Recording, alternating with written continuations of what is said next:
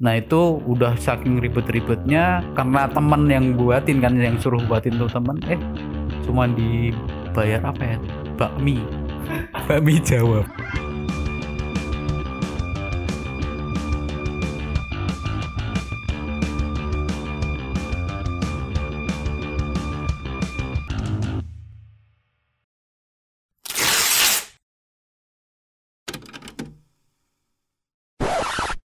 Oke, baik lagi di Bakmi Podcast. Kali ini udah tadinya kita kan namanya tuh Bakmi Podcast tuh podcast yang jarang upload terkenalnya kan. Tapi sekarang tuh kita podcastnya udah sering upload dan produktif. Kali ini kita akan ngobrol bareng salah satu orang terkenal di kampusnya. Waduh. Sanjaya. Gimana kabarnya? Baik Mas Ananta gimana kabarnya Mas Ananta? Alhamdulillah. Udah vaksin belum? Udah dosis kedua sih Mas udah tuntas. Sekarang udah tuntas. Vaksin apa? Campak. Kayaknya rabies sih Mas. Jadi aku sama Sanjaya tuh kita kenal pas magang kemarin ya. Hmm, di Dilmil 211 pengadilan. Gimana rasanya magang? Dapat apa kamu magang? Wah, dapat dimarahin. Dimarahin gara-gara. Gak tahu mas saya salah saya apa Di tapi gitu gak? mulutnya di itu ya mas ya.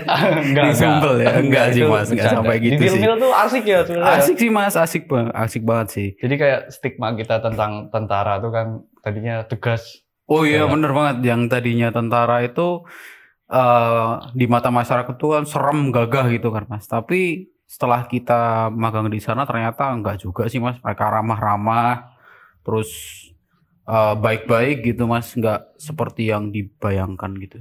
Hmm. Jadi emang jadi mahasiswa hukum tuh magang tuh emang hal yang penting ya sebenarnya. Oh penting sih mas, karena kita kan juga eh belajar praktek secara langsung kan mas. Ya, apalagi Ya minimal kita memperhatikan mereka lah berpraktek gitu.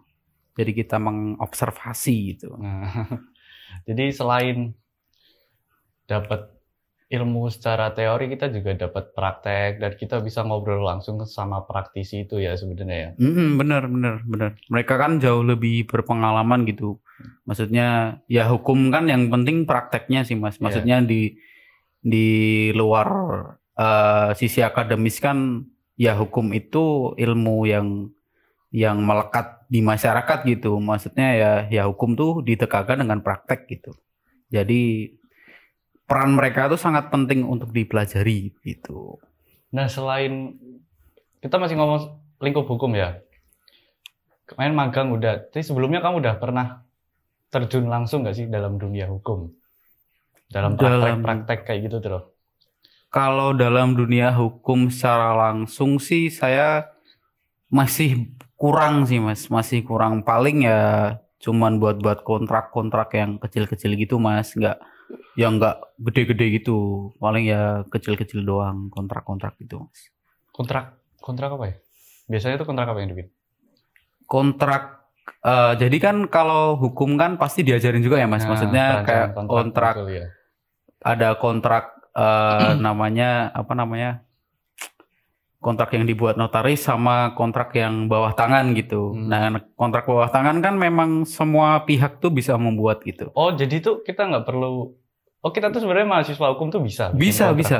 Kita nggak perlu perlu lisensi? nggak perlu nggak perlu. Kita cukup ada kesepakatan aja kan di pasal 1320 KUHP kan ada kan empat Iya, iya, iya. persyaratan kontrak tuh nggak ada kita harus notaris tuh nggak ada ya kalau kontrak bawah tangan ya memang eh selama kita sepakat dan kita tulis dan dua dua pihak atau lebih itu sepakat ya kontrak itu berjalan mas Oh, jadi nggak perlu kayak kita ke notaris gitu? nggak perlu nggak perlu nggak perlu Oh, kalau baru- ke baru notaris sih aku untuk akta yang autentik sih mas kayak Hmm. misalnya akta jual beli tanah gitu misalnya atau akta jual beli lain yang memang perlu notaris itu mungkin ya bisa tapi kalau kontrak-kontrak lain yang kecil-kecil kayak misalnya jual beli motor gitu atau jual beli mobil Oh, itu tuh ada perjanjian tertulisnya juga ya? Eh, eh, kalau mau dibuat doang. perjanjian tertulis ya nggak harus ke notaris juga selama kita bisa kita apa ya bisa buat terus dua belah pihak bersepakat dan mau bertanda tangan di kontrak itu ya nggak masalah mas. Oh, baru tahu aku kalau mahasiswa tuh ternyata masih bisa. Bisa Wah ya. sangat bisa, sangat bisa. Sebenarnya bisa jadi alternatif ya. Sangat Betul. bisa jadi Tapi- alternatif. Tapi apa namanya ya? Tapi kayak gitu tuh apa namanya? Kalau notaris kan ada apa namanya?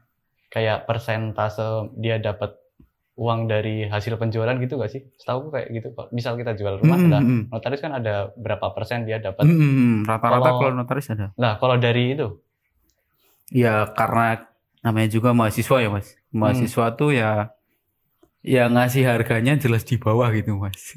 ya paling kalau notaris notaris bisa ratusan sampai jutaan ya kita paling lima puluh ribu, oh, seratus ribu, dua ratus ribu gitulah ya ya harga-harga ya segitu gitulah. Itu- Karena kan kita juga belum profesional juga kan Oh, mas. iya. Yang penting ada perjanjian yang mengikat aja gitu. itu gimana tuh pengalaman bikin kontrak? Bisa ceritain? Wah. Awalnya tuh gimana? Kalau awalnya sih kan memang ada potensi gitu. Saya melihat kayak ada peluang di situ bisa, oh bisa buat kontrak dan lain sebagainya lah. Nah saya cukup eh, serius pada waktu itu ada mata kuliah dari salah satu dosen di kampus saya gitu, Universitas Jenderal Ahmad Yani Yogyakarta. Itu kan ya ada salah satu dosen yang memang expert di bidang itu gitu. Iya. Nah, saya saya serius tuh, saya serius untuk belajar itu dan saya sempat konsultasi juga sih. Nah, kebetulan nggak sengaja waktu itu saya tuh pernah ditawarin kontrak hmm, jual beli motor pernah jual Hmm. beli motor tuh yang kecil-kecil tuh jual beli motor jual beli apa namanya itu mas kayak alat-alat elektronik gitulah mas gitu pernah Cas-casan. Heeh. bukan cas-casan juga sih mas apa ya eh aku lupa ya pokoknya ya harganya tuh 3 jutaan lebih lah Oh iya. 3 jutaan lebih nah gitu terus sempet jual eh, perjanjian lagu gitu kerjasama lagu Oh udah pernah? udah pernah mas Mengenai kayak hak cipta bagi hasil kayak gitu-gitu ya? Heeh, heeh, bagi hasil royalti untuk YouTube sama media-media kayak Spotify kayak gitu-gitu Mas. Hmm. Jadi diatur pembagian royaltinya gitu. Saya pernah buatin tuh. Oh. Kamu udah banyak juga berarti pengalaman bikin kontrak. dong? Em, Kalau dikatakan nggak profesional, sebenarnya udah profesional kalau dia dari jam terbang. wah nggak juga sih Mas. Banyak kontrak yang belum aku coba sih Mas. Maksudnya kan kontrak itu kan isinya tergantung apa ya Mas substansi muatannya gitu. Hmm. Kan kalau misalnya jual beli tanah tuh pasti ribet tuh Mas. Pasti Hmm. isinya pasal-pasalnya lah pasti ribet. Kalau yang kecil-kecil itu kan banyak gitu yang maksudnya contoh-contohnya banyak terus kayak apa namanya eh kata-katanya juga nggak ribet. Kan pentingnya kontrak itu kan sebenarnya pemilihan diksinya Mas Hmm, dari harus jelas. Gitu. harus jelas karena kalau misalnya diksinya beda itu bisa orang tuh bisa salah mengartikan gitu. multi Nah, heeh, nanti bisa juga tuh Mas nanti di pengadilan kalau misalnya ada permasalahan gitu ada ada wan prestasi atau perbuatan melawan hukum gitu. Bisa dipelintir-pelintir tuh Mas kalau kata-katanya salah gitu. Kamu sebagai pembuat kontrak kayak gitu bisa ikut keseret gak sih? Enggak. Sebagai pembuat kontrak sih Enggak ya. sebenarnya bisa ikut dan bisa enggak sih mas. Cuman tergantung juga. Maksudnya eh, kalau pembuat kontrak tuh kan nama kita kan nggak tercantum dalam kontrak itu mas. Kita Oh, cuman saksi. buatin, heeh, kita cuman buatin. Kalau memang kita berkenan untuk jadi saksi ya jadi saksi. Kalau kita nggak mau berkenan jadi saksi ya kita cukup buatin doang terus ya udah dikasih ke para, Oh, para jasa. pihaknya Oh, Jasa jasa, ya doang sebenarnya. jasa doang Oh gitu toh. Itu gimana tuh? Ada pengalaman pengalaman pengalaman gimana ya suka dukamu ketika membuat kayak gitu? wah kalau sejauh ini Sama sih nggak kayak kita bikin tugas gitu? kalau kalau itu sih eh, sejauh ini belum ada sih mas masih aman-aman aja dan semoga terus aman ya mas semoga terus aman jangan sampai ada permasalahan di balik itu cuman kalau suka dukanya ya ada beberapa kontrak yang ini sih mas maksudnya kita hitung-hitung bantu temen Hmm. gitu hitung-hitung bantu teman. teman harga teman Ya. gitu nah itu juga termasuk suka-duka juga sih mas. Enggak sih itu sebenarnya keduka. Ya, Enggak ada suka-sukanya. Eh, duka ya. Soalnya itu jasa tuh nggak bisa distandarisasi. Yes, bener, bener, Iya bener, nggak? setuju, setuju. Aku pernah tuh mas buat kontrak yang agak ribet juga sih mas. Maksudnya agak ribetnya tuh sampai aku tuh konsul ke beberapa, beberapa dosen gitu. Kebetulan dosen-dosen di kampus saya tuh enak-enak mas, Hmm, masih iya, aku muda-muda gitu. Jadi Pernah ketemu. Uh, uh, pernah ketemu juga kan Ya. mas, Nah, enak-enak juga tuh. Jadi buat konsultasi enak, buat diskusi enak. Jadi sempat tuh aku konsultasi sampai saking bingungnya itu kan. Nah itu udah saking ribet-ribetnya karena teman yang buatin kan, yang suruh buatin tuh teman. Eh cuman dibayar apa ya tuh? Bakmi, bakmi Jawa. Pernah tuh mas, mas. Pernah. Pernah. Itu beneran? Beneran itu. Itu nilai Bener. kontraknya berapa sebenarnya? Gede gak? Ya bayangin aja kalau YouTube itu eh kan YouTube itu tiga bulan sekali bisa monetize. Ya. Nah, nggak tahu sih mas teknis teknis untuk YouTube-nya berapa, Hmm. tapi yang jelas aku yakin sih dia pasti udah memperoleh 20 jutaan lebih dari YouTube itu, dari Itu- nilai kontrak itu. Viewernya juga udah gede. Lumayan satu juta koma kalau sekarang ya, satu juta lebih view-nya. Itu dia apa itu? Kontrak apa? Band kontrak atau- perjanjian lagu. Oh lagu. kontrak Salah perjanjian satu band. salah satu band yang collab sama salah satu artis terkemuka di Oh, Indonesia. berarti udah terkenal belum? Oh. Eh, collab sama itu. Nah itu pernah juga tuh mas. Dibayar bakmi. Dibayar bakmi. Nggak apa-apa tapi Selama maksudnya tiga bulan sekali nggak sesuai enggak, real- enggak. Cuma satu Sekali. kali itu, sekali itu tuh. Nggak masalah aku mas. Maksudnya itu kan kebetulan teman sendiri. Nah, Kebetulan temenku itu manajer di salah satu band itu, gitu. Hmm. salah satu band itu. Terus dimintai tolong ya udah nggak apa-apa gitu. Terus pernah juga tuh mas ada tawaran kontrak yang gede banget, Iya. gede. Eh, aku pernah ditawarin kontrak tuh sampai ditawarin MacBook baru, MacBook. MacBook baru. Cuman aku nggak mau. Kenapa? Kan itu peluang besarmu untuk jadi kontrak. Enggak mas, karena gini, eh kebetulan itu eh punya masalah gitulah. Jadi eh si A sama si B ini punya masalah terkait nggak tahu investasi atau utang piutang gitulah. Nah, salah satunya itu nawarin pokoknya dia minta kalau eh, si B ini yang yang hitungannya kayak utang lah sama si A ini Hmm. minta kalau eh pokoknya dibuat turun temurun gitu Utangnya. utangnya. Hmm.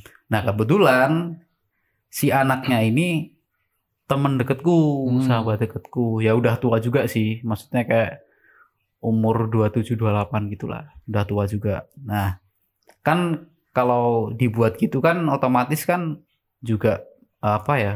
berlaku gitu sama aja kayak aku tuh buat sesuatu yang itu bisa membuat me- apa ya melimpahkan beban untuk si temanku itu kan. Iya.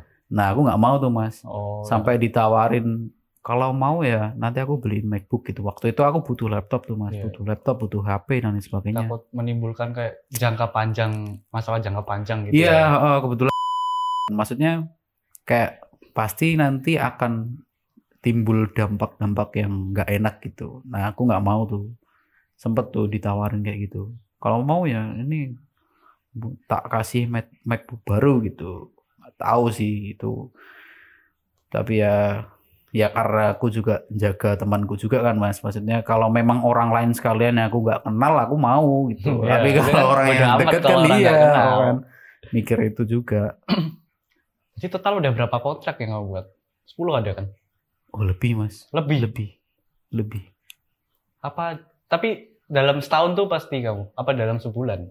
Nah kebetulan kalau kalau tahun ini agak sepi Sepi. agak sepi nggak tahu kenapa ya ya biasanya teman-temanku tuh- kan Hmm. kayak minta gitu buatin buatin gitu tapi kalau untuk Keren juga ya. saat ini sepi Itu mulai semester berapa kamu bikin kontrak itu? semester berapa ya mas Perancangan kontrak tuh aku baru dapat semester ini.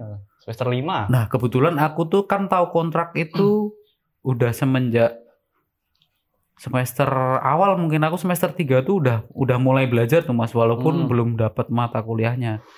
Cuman karena aku ada salah satu dosen tuh yang bilang bahwa dulu saya waktu jadi dosen itu bilang dulu saya waktu muda gitu eh ya kerjaan sampingan saya tuh ya buat kontrak gitu. Oh. Nah, buat kontrak kecil-kecilan gitu. Nah, nah saya lihat potensi di situ jadi Ya. saya belajar lebih dulu sebelum mata kuliah itu diambil gitu. Mungkin semester 3 mungkin Mas aku udah mulai belajar gitu.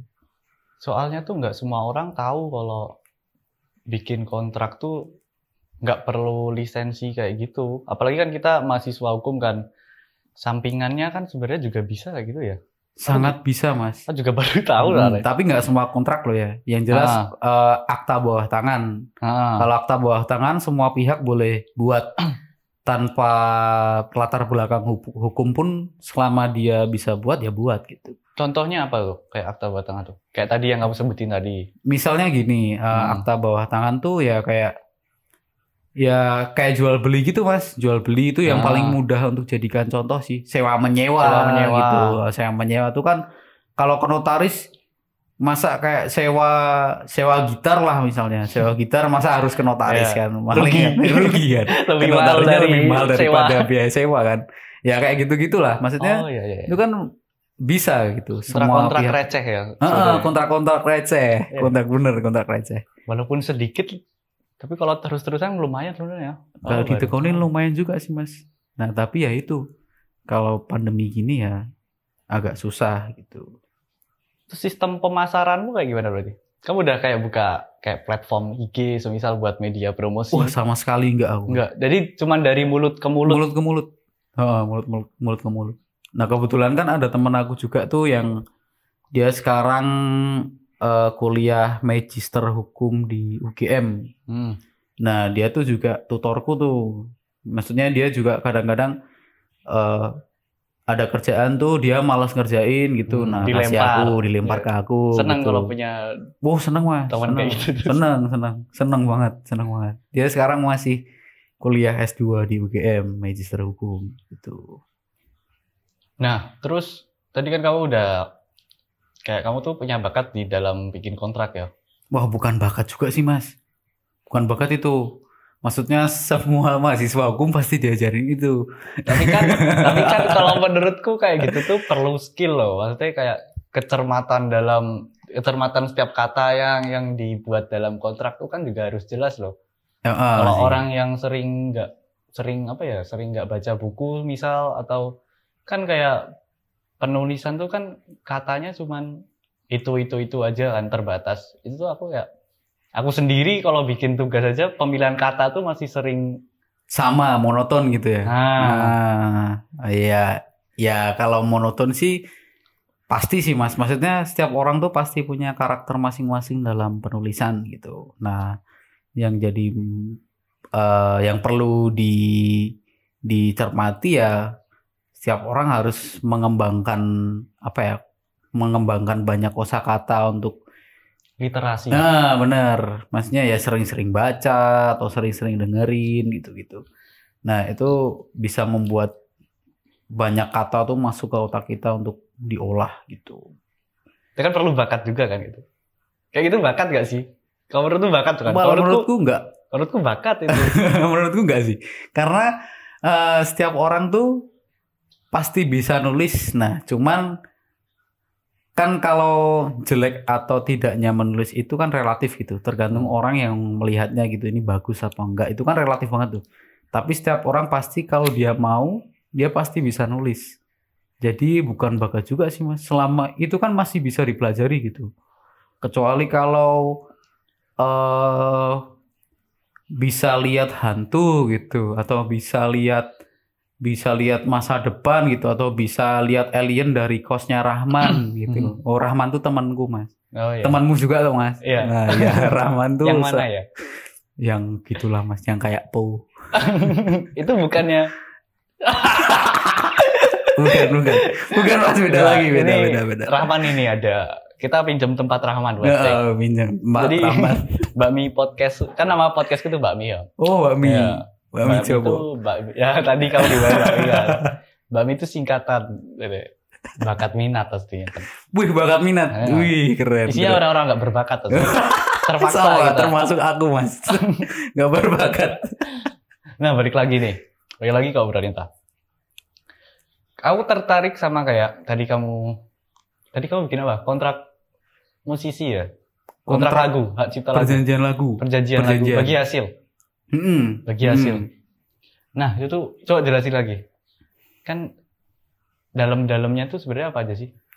Oh, kalau dalam-dalamnya, nah itu aku juga baru belajar karena konsul konsul tuh mas. Hmm. Aku tuh baru tahu karena eh dapat apa ya istilahnya kebetulan di lingkunganku tuh banyak orang-orang musik gitu. Nah ternyata untuk perjanjian lagu itu banyak kayak yang berhubungan dengan PT, label, publisher dan lain sebagainya itu tuh ternyata nggak semudah itu hak hak cipta lah Hmm. terus hak cipta tuh ada banyak gitu Hmm. hak cipta tuh ada misalnya kayak eh apa ya melodi lagu gitu Partitur. atau eh, itu itu tuh itu tuh udah bisa jadi hak cipta milik orang lain liriknya Kan doang ada gitu. Kayak ada batas ketentuannya kan dalam mencipta lagu itu kalau nggak salah empat bar kalau nggak tiga bar. Kalau itu dijiplak sama itu tuh bisa kena. Hmm, bener bener bener. Kalau nggak salah empat bar kayaknya. Eh, eh, eh. nah itu tuh juga ribet juga tuh mas. Karena misalnya gini lagu apa yang paling gampang tuh misalnya eh, lagu Beatles Beatles misalnya tiga- ya anggap aja Beatles lah ya. Tiga chord Eh, misalnya Hey Jude. Hmm. terus apa gitu. Ah. nah misalnya Hey Jude ini yang buat mas. Terus lirik selanjutnya yang buat aku. Hmm. itu udah beda lagi tuh mas. Ternyata kayak ternyata nggak sesimpel itu.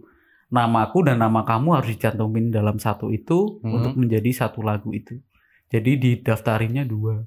Dua nama? Heeh. tapi kan kayak ada la- salah satu lagu yang penciptanya misalnya di atas namain band gitu. Itu tuh tergantung perjanjian band tergantung perjanjian bandnya. Oh. Tergantung perjanjian bandnya.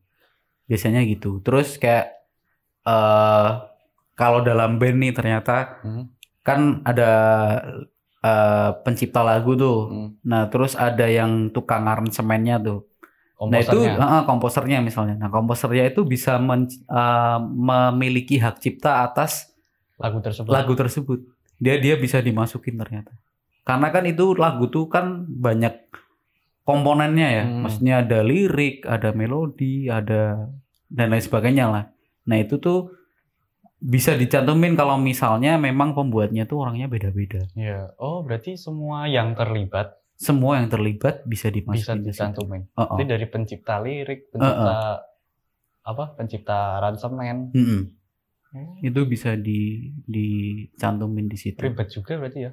lumayan tapi rata-rata kalau yang dipakai sih biasanya ada perjanjian dulu Hmm. dari teman-teman bandnya misalnya karena ini udah jadi aransemen dan lagunya dijadiin satu jadi sebuah lagu yang utuh gitu nah biasanya ini mau gimana nih misalnya kayak ini yang karena ini udah jadi mau di atas namain siapa gitu biasanya kayak leader bandnya kayak Hmm. atau penciptanya liriknya itu yang dianggap dia punya lagu itu juga bisa sih kayak gitu-gitu jadi tergantung perjanjian internal mereka karena nggak mau ribet juga sih Tapi kalau kayak perjanjian bagi hasilnya, itu tuh dicantumin, maksudnya perjanjian hasil dari semua komponen-komponen yang terlibat, kayak tadi ada pencipta, aransemen, habis itu komposer, itu tuh juga dicantumin nggak? Perjanjian hasil baginya berapa persen, berapa persen, berapa persen? kalau itu eh, nggak dicantumin sih mas paling Tergantung Oh, oh, mereka. oh, oh. Kan kalau band tuh kan ada yang atas nama band terus ya udah gitu. Nah, tergantung mereka internalnya kayak gimana. Rata-rata sih ya udah kayak atas nama band gitu. Misalnya bandnya aku sama Mas nih misalnya. Sama teman-teman yang lain empat orang gitu. Nah, biasanya ya udahlah atas namain Ananta aja lah. Hmm. Misalnya Biar kayak gitu. ribet. Biar gak ribet ya kamu aja gitu. Nanti ya kalau misalnya kan dalam satu band tuh satu grup kan ya udah nanti bagi-bagi gitu. Maksudnya nggak perlu perjanjian rata-rata kayak gitu ya yang berjalan sekarang tuh ternyata kayak gitu. Aku juga baru tuh baru tahu juga sih soal itu. Terus apa lagi? Unsur. Unsur esensial ya namanya. Yang dalam kontrak. Kan tadi ada apa namanya? Pencipta dan Hmm, dua hmm. pihak yang itu. Terus apa lagi Hmm, banyak? eh nanti urusan ke mengenai hak cipta Hmm.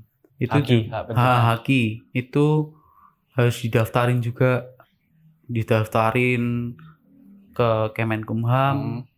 atau mungkin ke lembaga-lembaga musik yang Menaungi. yang menaungi itu misalnya kayak WAMI Ah. itu kan WAMI itu lembaga yang sebenarnya di bawah Kemenkumham sih di bawah Haki gitu maksudnya nggak tahu itu mitra atau itu memang lembaga yang dibuat secara struktural langsung di bawahnya aku nggak tahu juga sih cuman kalau rata-rata sih pada pakai WAMI itu Wahana Musik Oh. Indonesia itu sebagai wahana apa ya istilahnya wadah untuk menaungi para pencipta gitu mas Oh, buat selanjutnya didaftarin Mm-mm, ke. Oh, itu kakek itu bukan kamu yang daftarin juga bukan?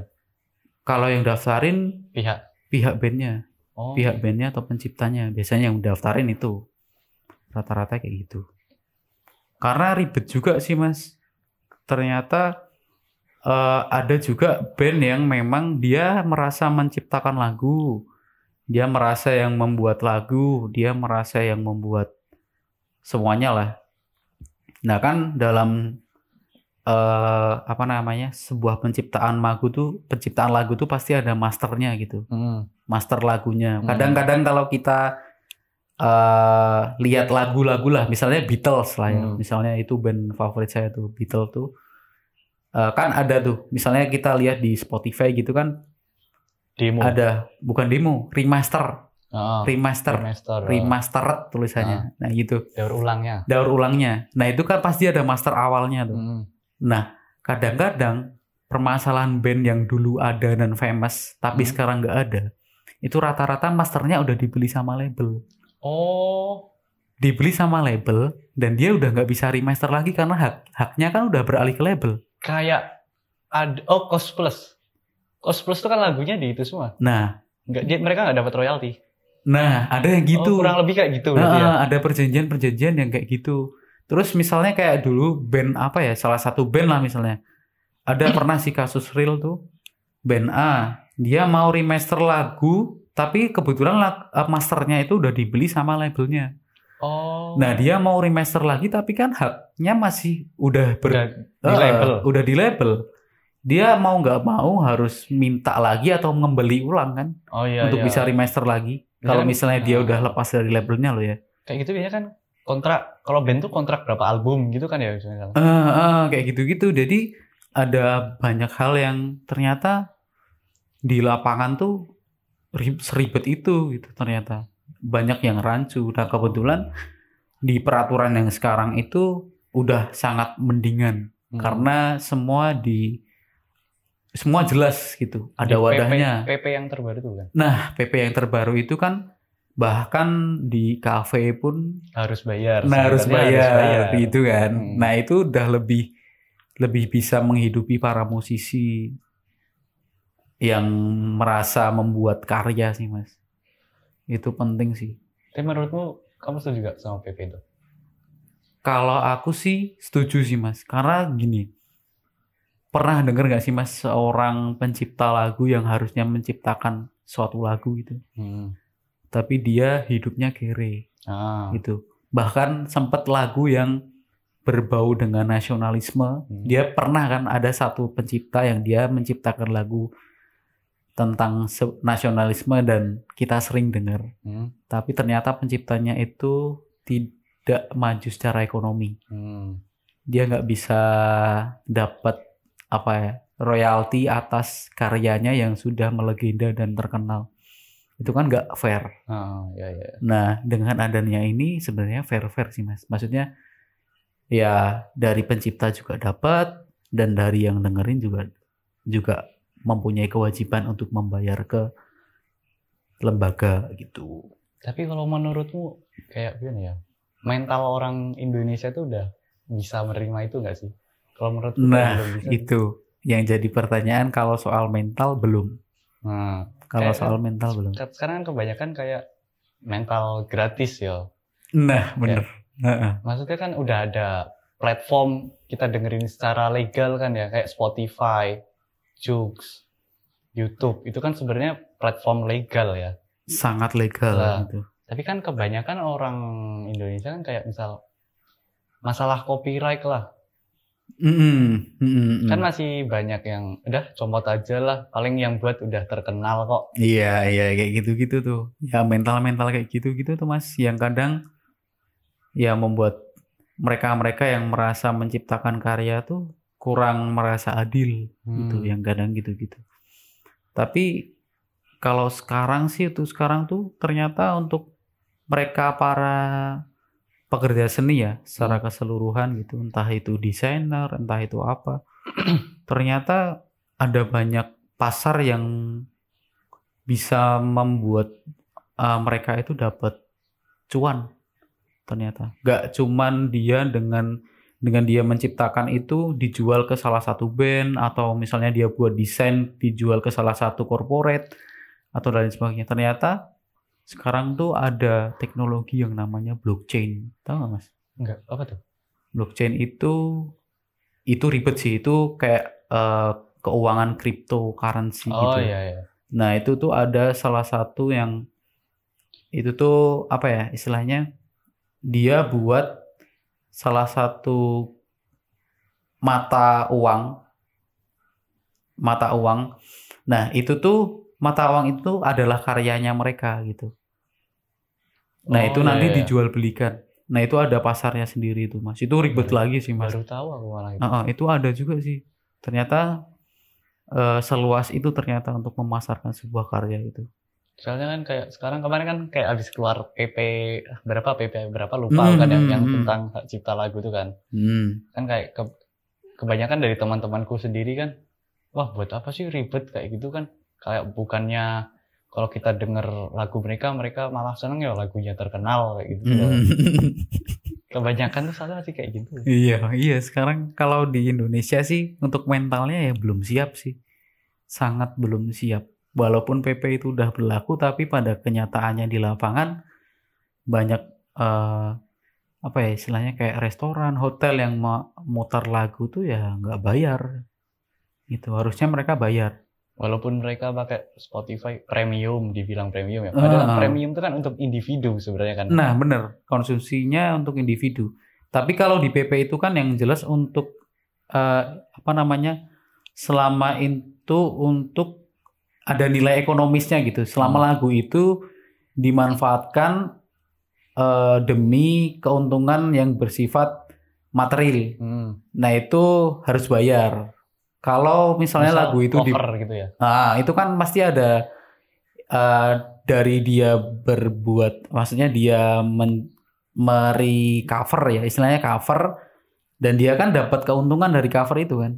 Nah, keuntungan ekonomisnya itu yang dia harus bayar. Kalau kecuali kalau lagu itu tidak digunakan untuk eh, keuntungan Material. material, Buat seneng-seneng doang. ah ya. itu nggak apa. Oh iya. iya. Makanya yang di PP itu kan yang disebut kayak hotel, Hmm. kayak kafe gitu-gitu kan. Maksudnya itu kan dari dari kafe itu ada jual beli terus orang terhibur dengan musiknya. Kan dari lagu itu kan termasuk juga kan. Hmm. dari lagu itu masuk salah satu unsur untuk mendapatkan nilai material. Nilai, nilai jual. nah dia harus bayar. Kayak gitu. Ternyata. Tapi, Tapi, kenyataannya. kenyataannya belum belum efektif belum siap belum siap dalam penerapannya. Mm-mm. Lagian lagu-lagu sekarang tuh juga apa ya mas? Masnya kan juga suka tuh mengamati musik kan?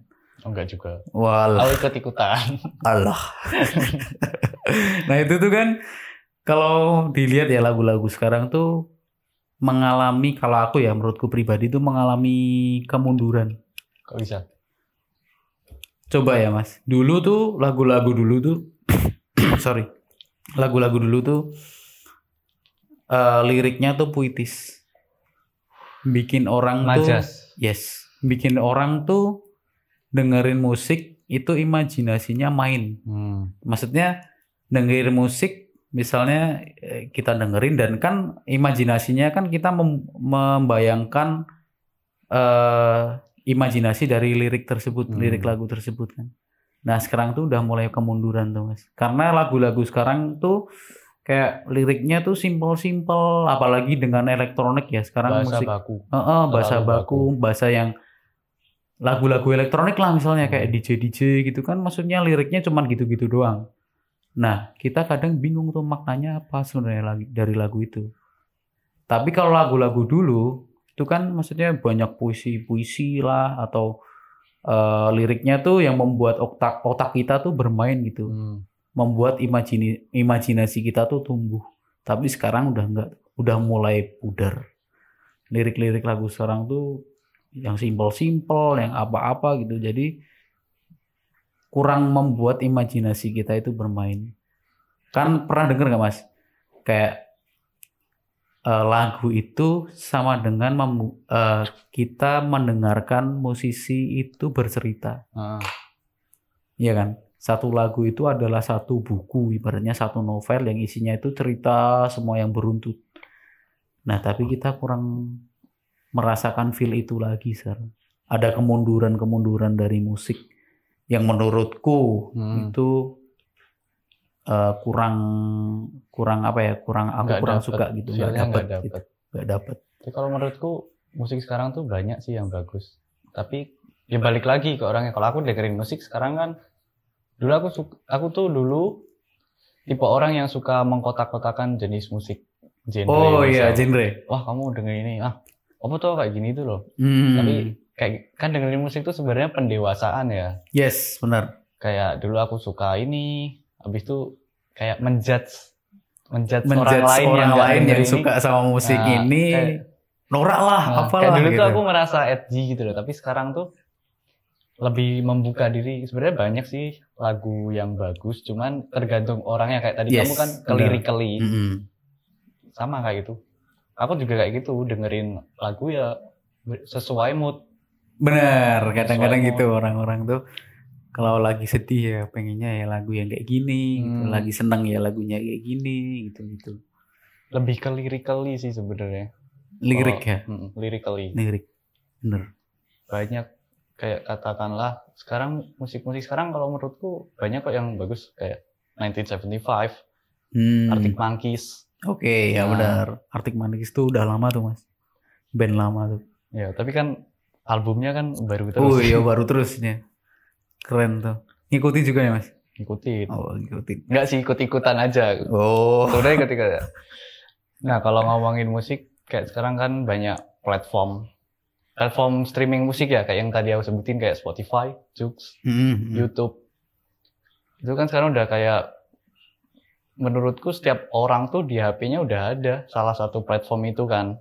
Nah, Ah. kita tuh bebas explore musik dan lain sebagainya. Lah, terus yang kalau orang zaman dulu kan dengerin lagu harus beli album, Hmm, beli kaset, beli kaset, hmm, beli CD. kayak gitu kan mau nggak mau orang itu harus dengerin semuanya ya. Yes. Dengan adanya platform itu sekarang kan kita tuh nggak perlu dengerin satu album, kita tinggal lihat yang di play paling banyak kan kita otomatis tetap ngeplay itu kan. Hmm.